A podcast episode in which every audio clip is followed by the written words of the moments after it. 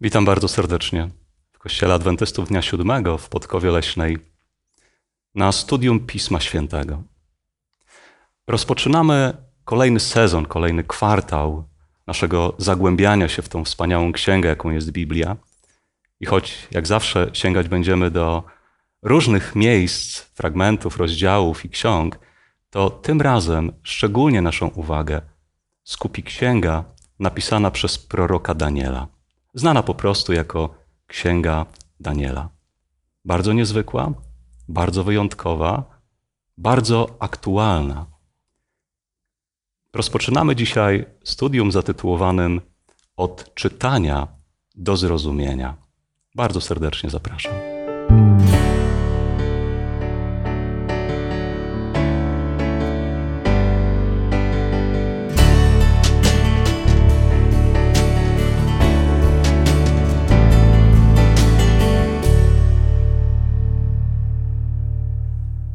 Razem ze mną w studium Pisma Świętego wezmą udział Mateusz oraz Mikołaj. Ja na imię mam Piotr i ponieważ będziemy otwierać Pismo Święte i czytać księgę natchnioną przed wiekami przez samego Pana Boga, który działał na serca ludzi wtedy, wierzymy, że dzisiaj przy czytaniu, aby dać nam to zrozumienie, potrzebujemy tego samego natchnienia, tej samej Bożej pomocy. Dlatego rozpocznijmy nasze studium modlitwą. Nasz dobry Panie, dziękujemy Ci, że dałeś nam swoje słowo, które ma nas uczyć, ma zmieniać nasze charaktery. I Panie, prosimy Cię, żeby nasze serca były otwarte na to, co chcesz do nas powiedzieć. Prosimy Cię, żebyś odkrywał przed nami wszystko to, czego my nie widzimy, a co jest bardzo ważne, co jest istotne w naszym życiu. I prosimy, żeby Twój duch był tutaj wśród nas obecny, gdy będziemy czytać Twoje słowo. O to prosimy w najdroższym imieniu Jezusa. Amen. Amen. Bardzo się cieszę, że rozpoczynamy studium tej wyjątkowej księgi, jaką jest księga napisana przez proroka Daniela. E, dzisiaj dosyć wstępne, ale dotykające już wielu ciekawych zagadnień studium i myślę, że będzie bardzo ciekawe też dla wszystkich widzów, którzy, e, którzy e, będą oglądać. Ale drodzy, gdybyśmy chcieli zadać sobie pytanie, jakimi zasadami powinniśmy kierować się, patrząc na księgę Daniela? Jakie fakty powinny na początek zwrócić naszą uwagę? To na co warto właśnie tą uwagę zwracać? Jest kilka takich aspektów w księdze Daniela, na które warto zwrócić uwagę, mhm. ale myślę, że takim najważniejszym, najistotniejszym jest to, że Chrystus jest centrum praktycznie w każdym wersecie, w każdym rozdziale tego, tej księgi. Kolejną rzeczą też myślę, która jest bardzo istotna, y, jest to, jak patrzymy na proroctwo księgi Daniela, bo niektóre proroctwa mają charakter taki y, apokaliptyczny, a inne, y, inne odnoszą się bardziej, są bardziej takie personalne, tak bym to ujął. I kolejną rzeczą jest to, że w księdze Daniela jest mnóstwo symboli, mnóstwo e, różnych, można by powiedzieć, takich zagadek, ciekawych, dziwnych, e, e, dziwnych postaci się mhm. pojawia. Tak więc będziemy musieli tutaj odnaleźć język, którym będziemy mogli odkodować to, co jest tam napisane.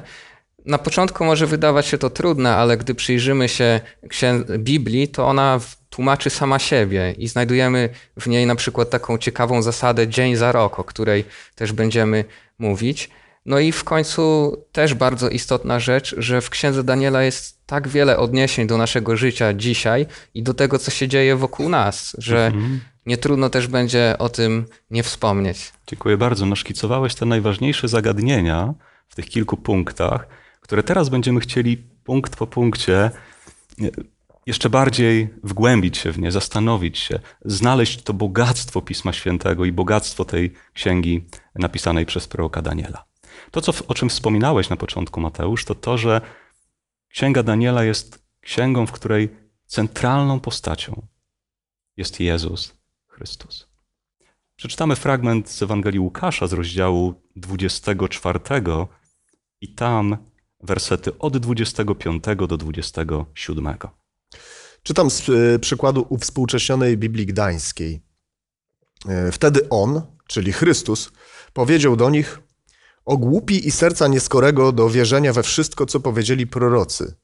Czyż Chrystus nie musiał tego wycierpieć i wejść do swojej chwały? I zaczynając od Mojżesza i wszystkich proroków, wykładał im, co było o nim napisane we wszystkich pismach. Mhm. Prawda? Czego dotyczy ta scena? I tutaj widzimy, jak Chrystus y, po, już po zmartwychwstaniu spotyka uczniów z Zemaus, y, którzy, przepraszam, którzy idą do Emaus i spotykają wędrowca jakiegoś człowieka, który zadaje im pytania, tak jak gdyby nie wiedział, co się przed chwilą w, w tej Jerozolimie wydarzyło, bo właśnie z Jerozolimy oni wyszli. I oni mu zaczynają tłumaczyć, pytają się, skąd ty się w ogóle wziąłeś, jak, jak mogłeś się o tym nie słyszeć.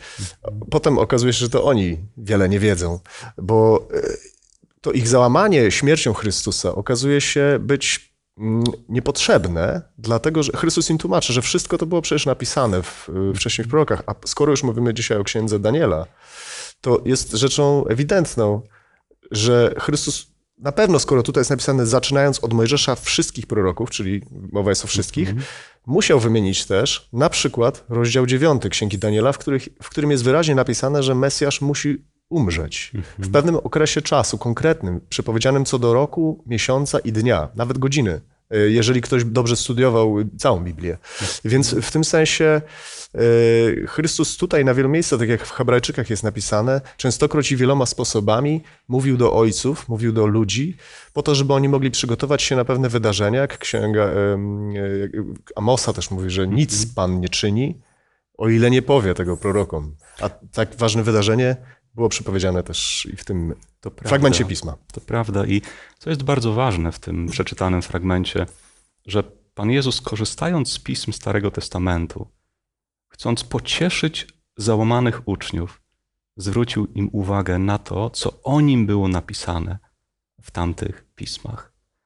Kiedyś, jak pięknie to zapisał apostoł Jan, słowa Pana Jezusa w Ewangelii Jana w piątym rozdziale, w wersecie 39, gdzie Chrystus mówi: Całe pismo świadczy o mnie. A więc jest on bohaterem ksiąg Starego, Nowego Testamentu. I co jest bardzo ciekawe, dzisiaj zastanawiamy się, tytuł naszego studium, od czytania do zrozumienia.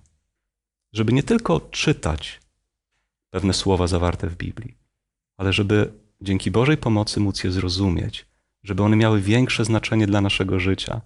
Nawet tutaj pewnego rodzaju taką uwagę ma Jezus gnuśnego serca, by uwierzyć we wszystko, co powiedzieli prorocy. A więc to nas prowadzi w takim kierunku: nie tylko czytaj, nie tylko staraj się z Bożą pomocą zrozumieć, ale także uwierzyć. Tak, Chrystus w centrum Słowa Bożego, ale też Chrystus w centrum Księgi Daniela. Gdybyśmy tak chcieli spojrzeć nawet na całą księgę proroka Danie- Daniela, rozdział po rozdziale, czy rzeczywiście jest on centralną postacią w każdym z tych rozdziałów, z tych historii? No myślę, warto pierw spojrzeć na rozdział pierwszy, Tak. który jest na samym początku i widzimy tam historię y, Daniela i jego towarzyszy, którzy nagle znajdują się w takim nienaturalnym dla siebie środowisku, bo żyli wcześniej w Izraelu, w państwie, które, którym kierować miał Bóg, a nagle znajdują się w pogańskim kulcie, zupełnie nienaturalne dla nich środowisko Bardzo niesprzyjające. bardzo prawda? niesprzyjające. Tym bardziej, że musieli pozbyć się, znaczy musieli, po, powinni pozbyć się swoich zwyczajów według tego, co żądał od nich król. E, Ale oni postanowili żyć e, wbrew temu, co wszyscy, wbrew temu, e, wobec czego wszyscy dookoła żyli, wbrew nakazowi. Można by powiedzieć, wbrew naturze, w której się znaleźli.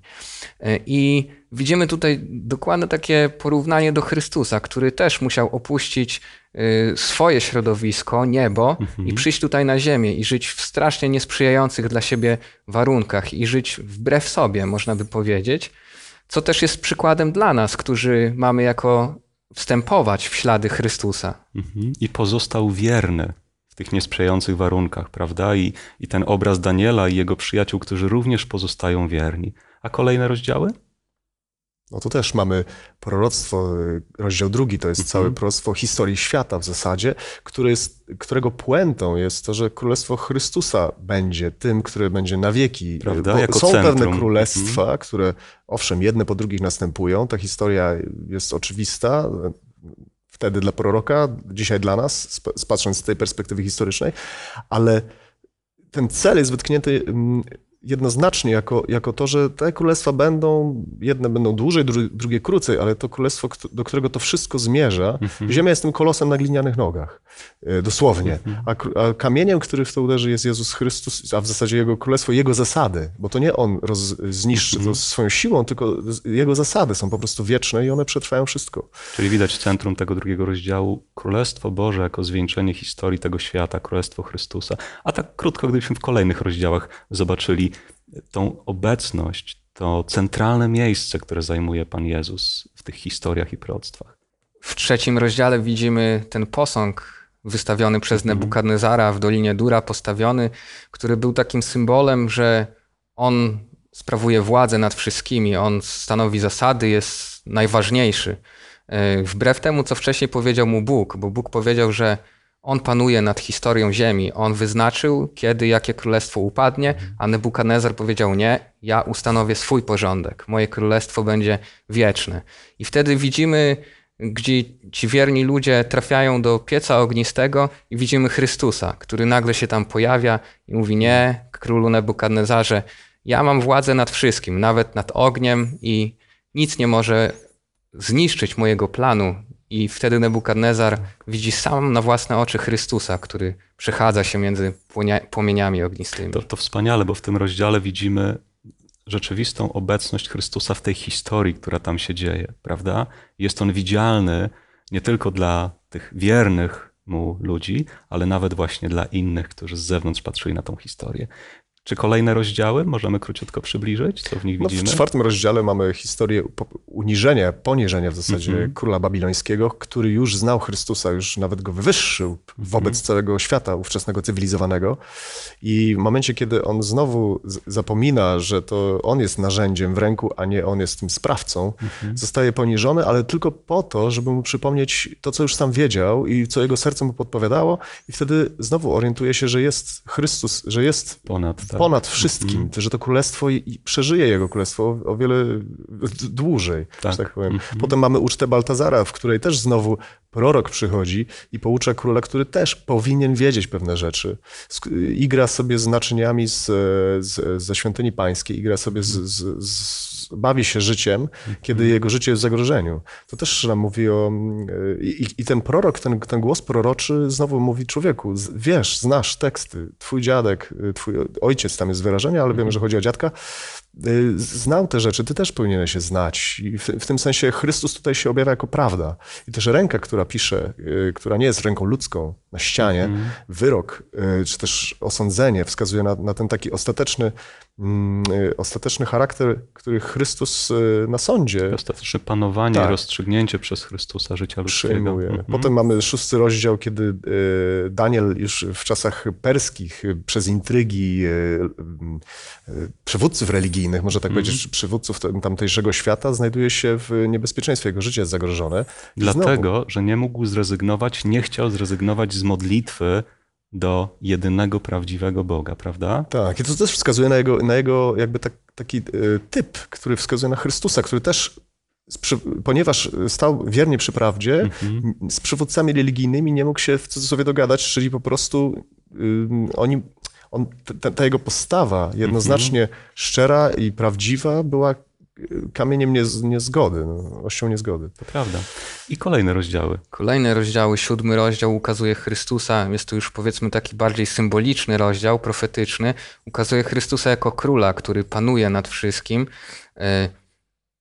A następny rozdział, ósmy rozdział, wskazuje na Chrystusa jako arcykapłana, który nie tylko jest królem, ale jest też naszym orędownikiem, kapłanem, który y, walczy nie tylko za tym fizycznym mhm. aspektem naszego życia, ale także za tym, co się dzieje w środku, bo walka nie tyczy się tylko y, wydarzeń takich, które są dookoła nas, ale główna walka odgrywa się w sercu człowieka.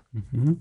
I pozostał rozdział dziewiąty, bardzo chrystocentryczny tak, tak, rozdział, w, tak? W rozdziale, w dziewiątym rozdziale w ogóle już zaczyna się tłumaczenie tego, tej wizji o 2000 2300 wieczorach i porankach, prawda? I, i, i tam już y, anioł detalicznie tłumaczy y, Danielowi, o co mhm. chodzi.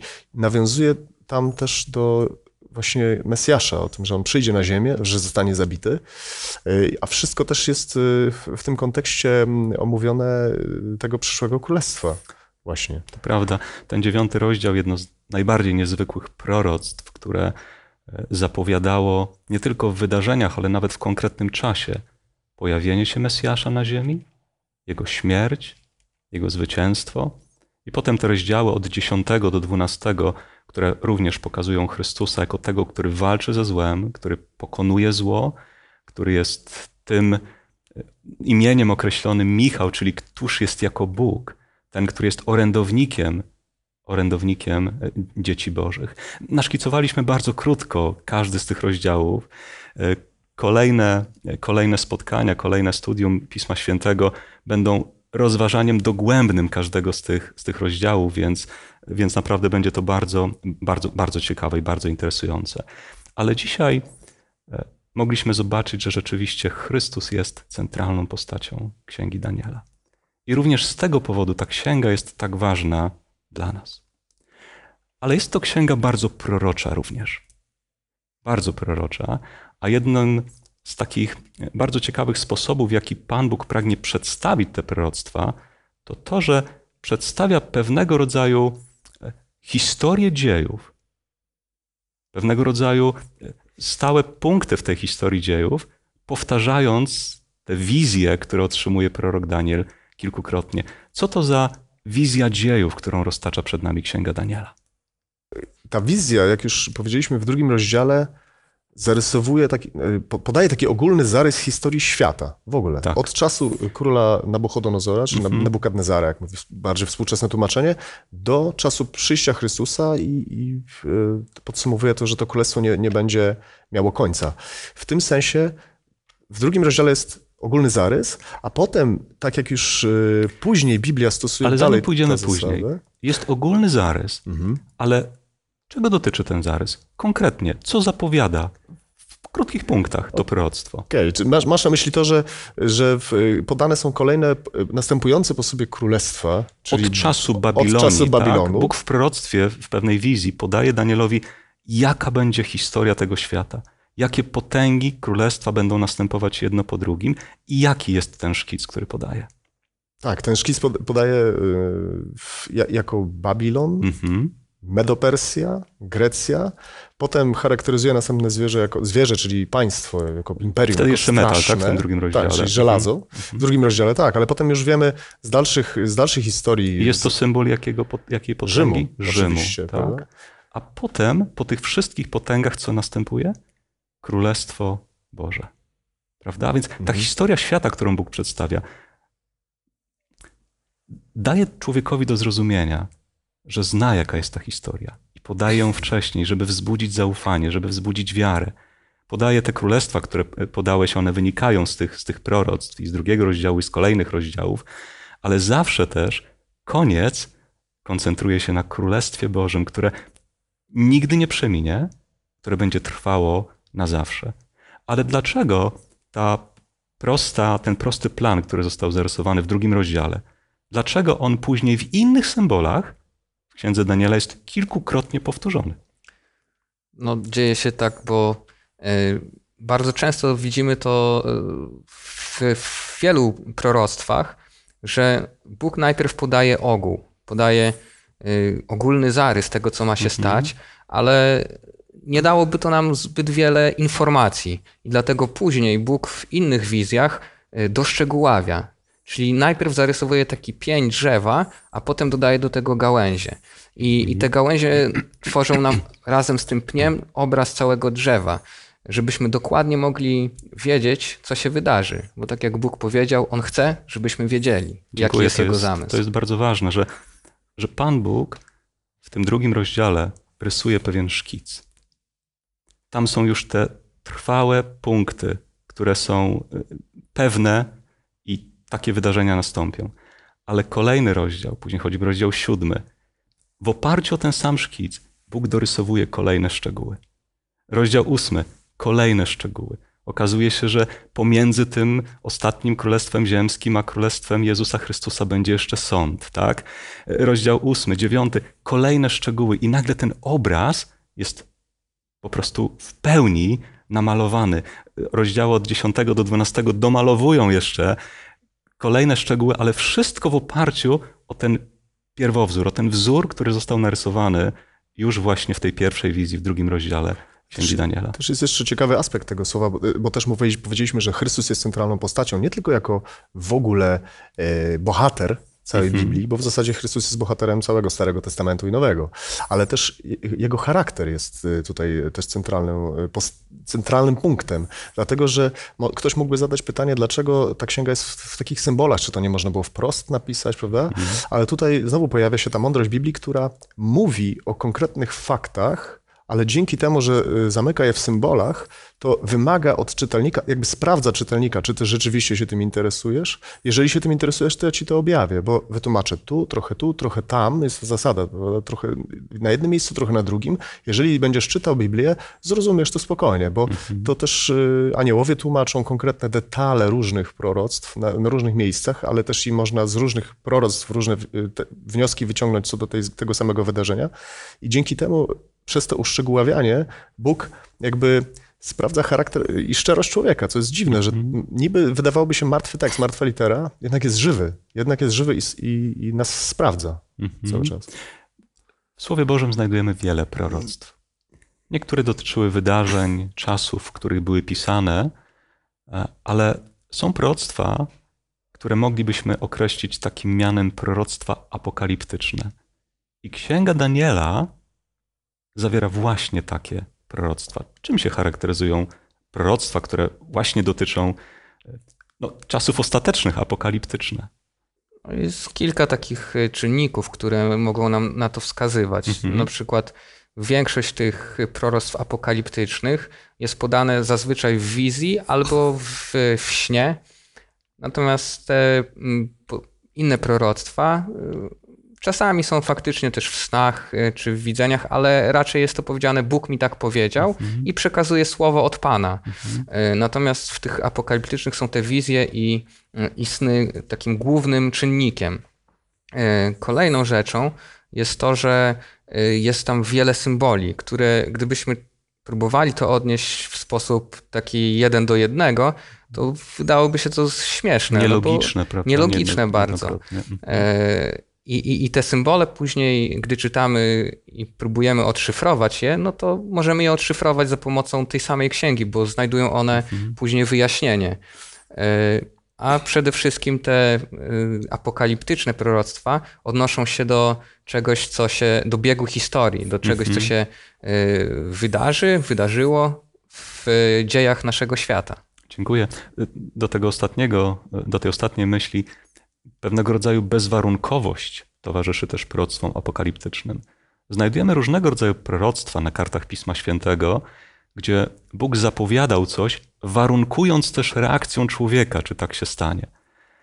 No, najbardziej chyba znany przykład, kiedy, kiedy prorok Jonasz został posłany do Niniwy, zwiastując, że za 40 dni nastąpi zniszczenie tego miasta. Ale reakcja ludzi, y, pokora, nawrócenie, porzucenie tych złych dróg, którymi chodzili, sprawiły, że to proroctwo się nie spełniło. Wtedy przynajmniej, po tych 40 dniach.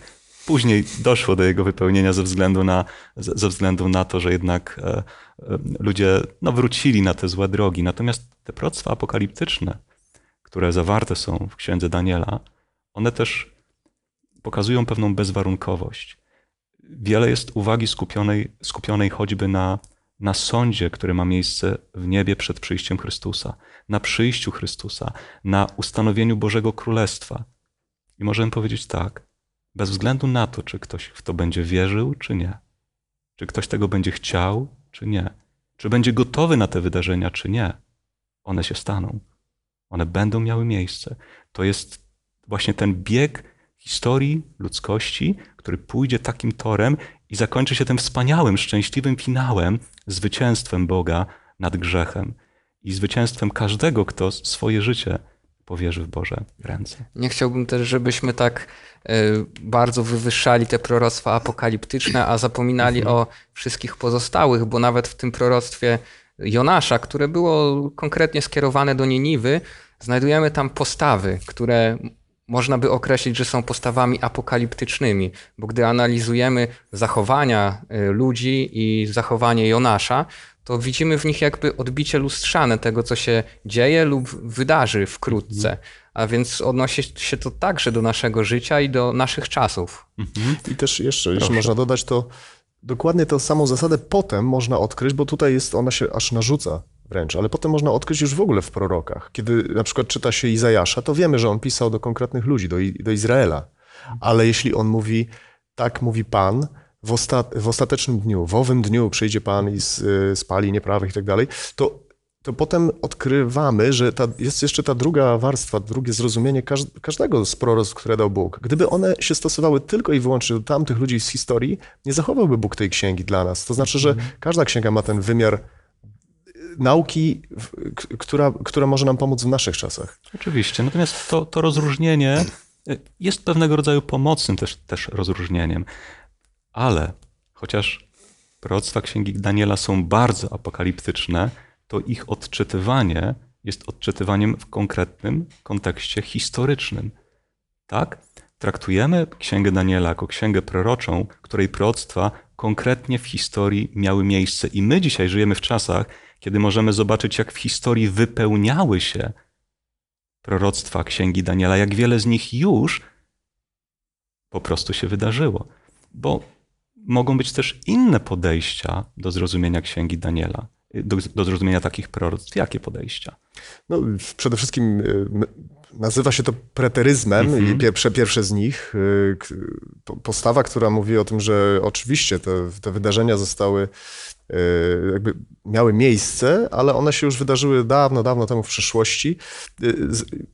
Ciekawe, ciekawe jest to, że po prostu proroctwa e, przekazane Danielowi przez Boga, bo to nie są proroctwa, które Daniel sobie wymyślił, mhm. są tak precyzyjne i tak precyzyjnie się w historii wypełniły, że ludzie po prostu nie mogą uwierzyć w to, że to jest proroctwo. On, jakby jest taki pogląd, że to zostało napisane w drugim wieku naszej mhm. ery, prawda? Że to ktoś spisał historię, żeby udawać natchnienie swojej własnej księgi, albo jak księgi rzekomo proroka Daniela. Dzisiaj większość chrześcijan wierzy, że to nie Daniel napisał, a jednak Chrystus mówi, że Daniel, tak. bo to to jest dość istotne, że Chrystus podkreśla, że to Daniel jest autorem tej księgi, czyli jest ona napisana w, w kontekście profetycznym. I y, preteryzm wymyślił, że to nie, że to po prostu się gdzieś tam kiedyś wypełniło, to już jest nieistotne do naszych czasów. Futuryzm z kolei mówi, tak, będzie kiedyś mały róg, czyli ten, ten zły, o którym będziemy się później uczyć, ale to jest taka wszystko daleka kiedyś, przyszłość, kiedyś że to w ogóle tak. na razie to jeszcze nie wiemy kto. I to jest wszystko w takim mgle niedopowiedzeń. Natomiast historyczny kontekst, kiedy, kiedy staramy się dopasować jednak rzeczywiście wydarzenia historyczne, bo zakładamy, że Bóg, przepowiadając przyszłość, przepowiada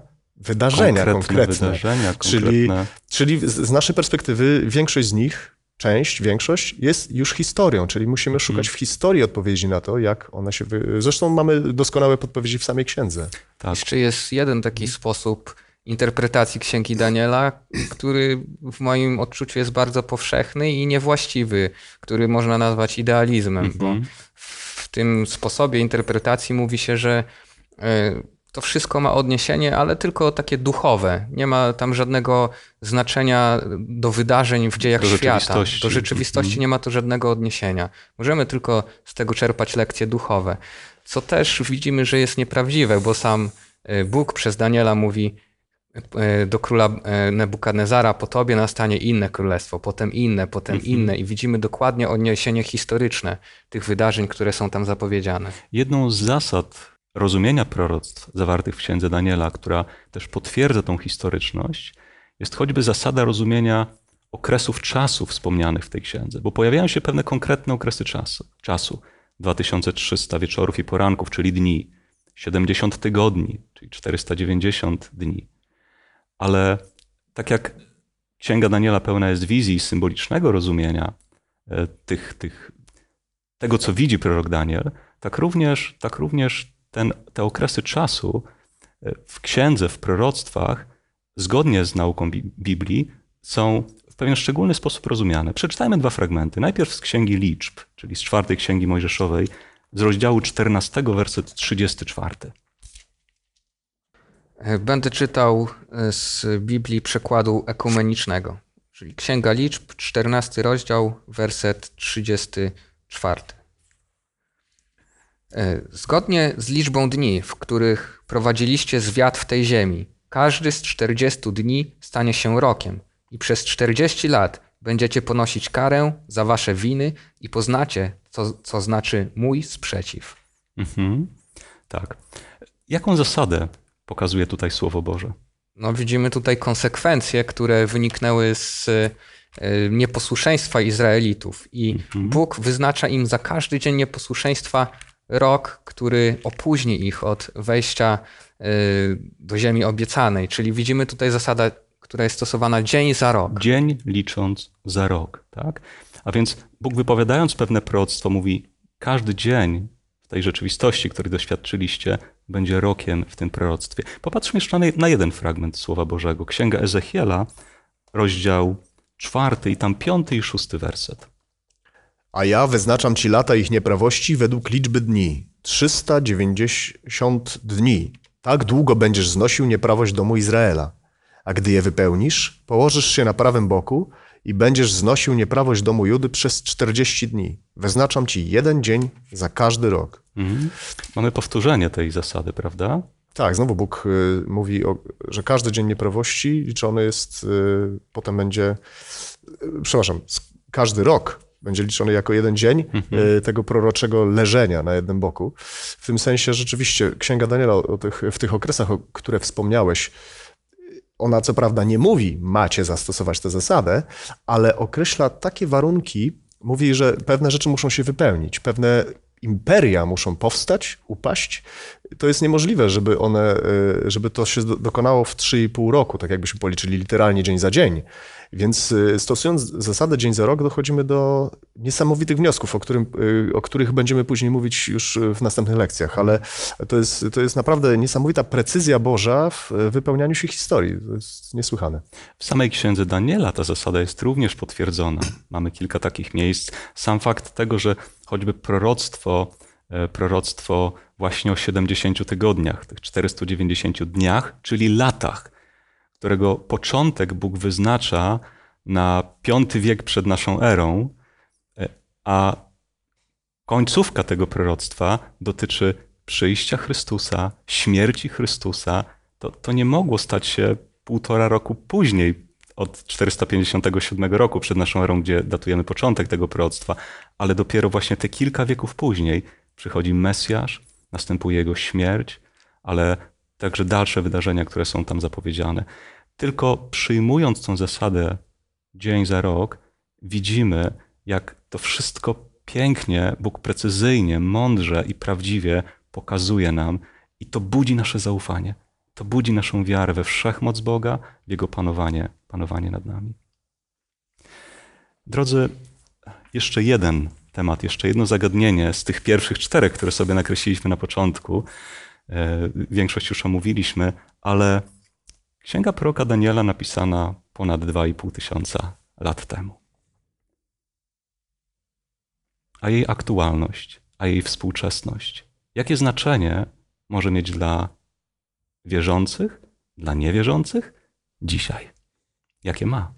Myślę, że o aktualności tych e, ksiąg, które, tych rozdziałów, które mówią o e, tych bestiach, o wydarzeniach, które się wydarzą, e, jest oczywista, bo stosujemy proroczy sposób do odszyfrowania tych symboli, ale widzimy także niezwykłą aktualność historii, które wydarzyły się za życia Daniela. Mhm. Chciałbym na przykład podać przykład tej historii, gdy Daniel został wrzucony do lwiej jamy. Mhm. Został wydany dekret, że można modlić się tylko do jednego e, króla, który też był Bogiem w tamtym czasie. E, I, I wiemy, że w historii Ziemi też zostanie wydany taki ludzki nakaz czczenia, e, czczenia człowieka, mhm. jego, jego przepisów, jego nakazów, znany w naszym gronie jako prawo niedzielne. I, I może się wydawać, jak czytamy tak tą postawę Daniela, tak lekko, jak ją czytamy, że no, dziwnie się zachował, tak jakby specjalnie na złość chciał wszystkim pokazać, że się modli. Do prawdziwego Boga. Do prawdziwego tak? Boga, tak jak zawsze miał to w zwyczaju, a nie modli się do króla. Tak jakby chciał na złość, no przecież mógł się schować i gdzieś nie pokazywać tego.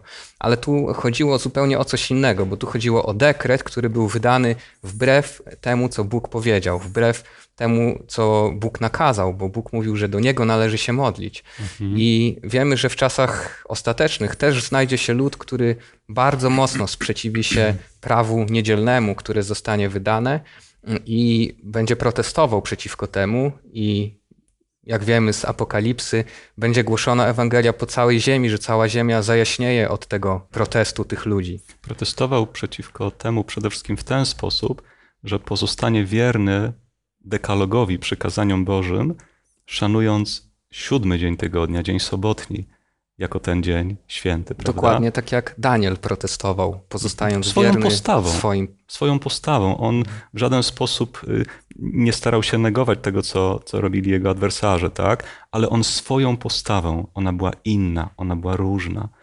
Dwa elementy dotknąłeś bardzo, bardzo ważne. Pierwszy to to, że historyczność proroc Księgi Daniela sprawia, że my dziś jesteśmy uczestnikami wciąż wypełniania się tych proroctw. Żyjemy w czasie, kiedy one wciąż się wypełniają, więc to jest niezwykle istotne. Ale chciałbym, żeby, żebyśmy jeszcze troszeczkę dłużej zastanowili się nad tym drugim elementem. To znaczy, postawa ludzi wiernych Bogu w księdze Daniela jest niezwykle ważna dla współczesności.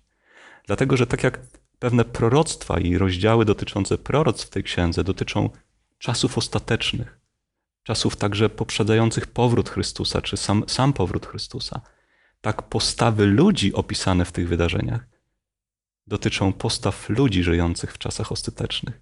Mówią o tym, jakich postaw, jakich cech będą potrzebowali wierzący żyjący przed powtórnym przyjściem Jezusa Chrystusa, patrząc właśnie choćby na ten przykład Daniela czy jego przyjaciół. Właśnie to co, to, co mówisz, jest najważniejsze, dlatego że jest masa interpretacji proroctw biblijnych. Łatwo coś tam le, lekko dopasować i tak wyrwać z kontekstu parę wierszy, jeszcze, szczególnie jeśli chodzi o objawienie, Księgę Objawienia i Daniela, które ze sobą się łączą, rozmawiają ze sobą, tak można powiedzieć, mhm. bo jest mowa o upadku Babilonu w Księdze Objawienia, a tutaj mamy też upadek Babilonu w Księdze Daniela.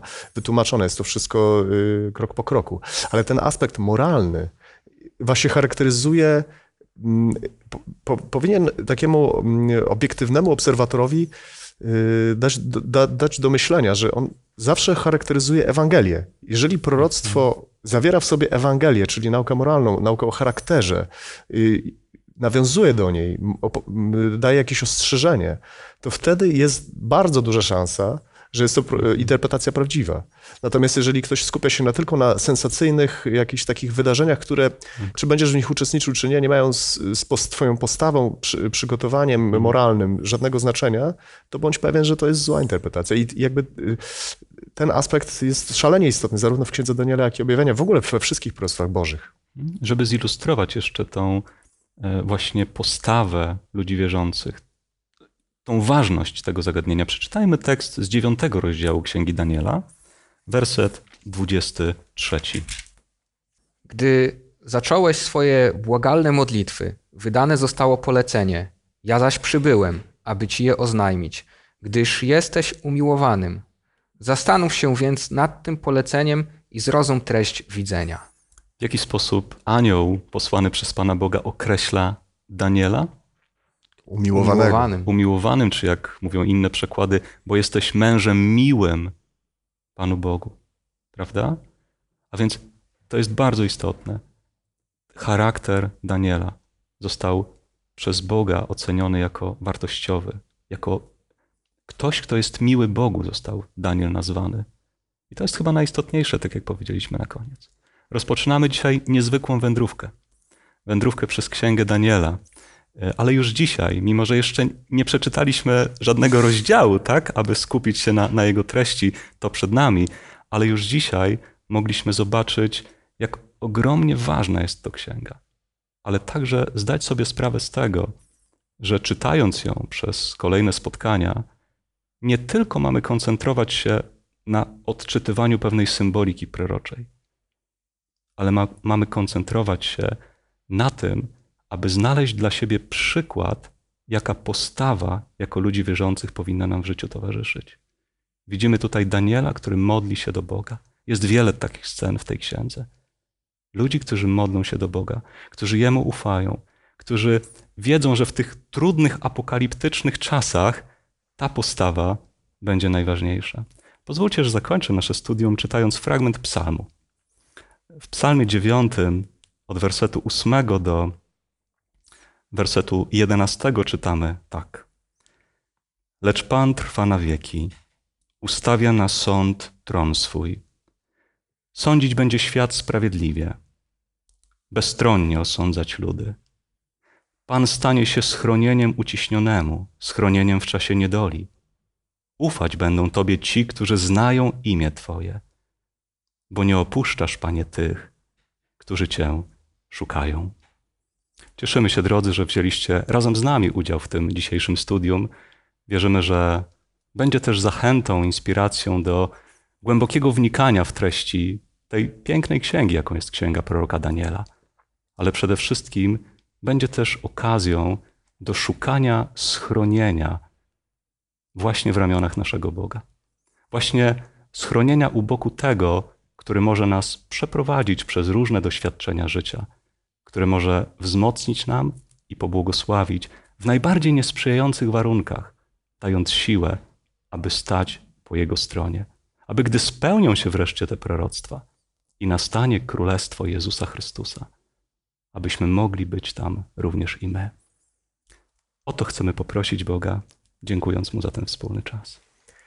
Drogi Ojcze, chwała Ci niech będzie za ten moment, kiedy możemy otwierać Twoje słowo i dzięki mądrości Twojego ducha poznawać Jego tajemnice, które objawiasz, które rozświetlasz w naszych umysłach.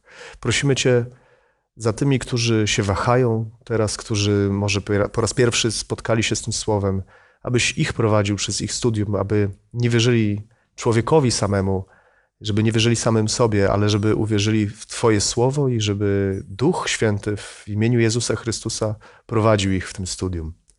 W imieniu naszego brata, naszego Zbawiciela i naszego Stwórcy Jezusa Chrystusa modlimy się, dziękując Ci, że nas wysłuchujesz. Amen. Dziękując serdecznie za udział w dzisiejszym studium, zapraszamy na kolejne, które zatytułowane jest Z Jerozolimy do Babilonu.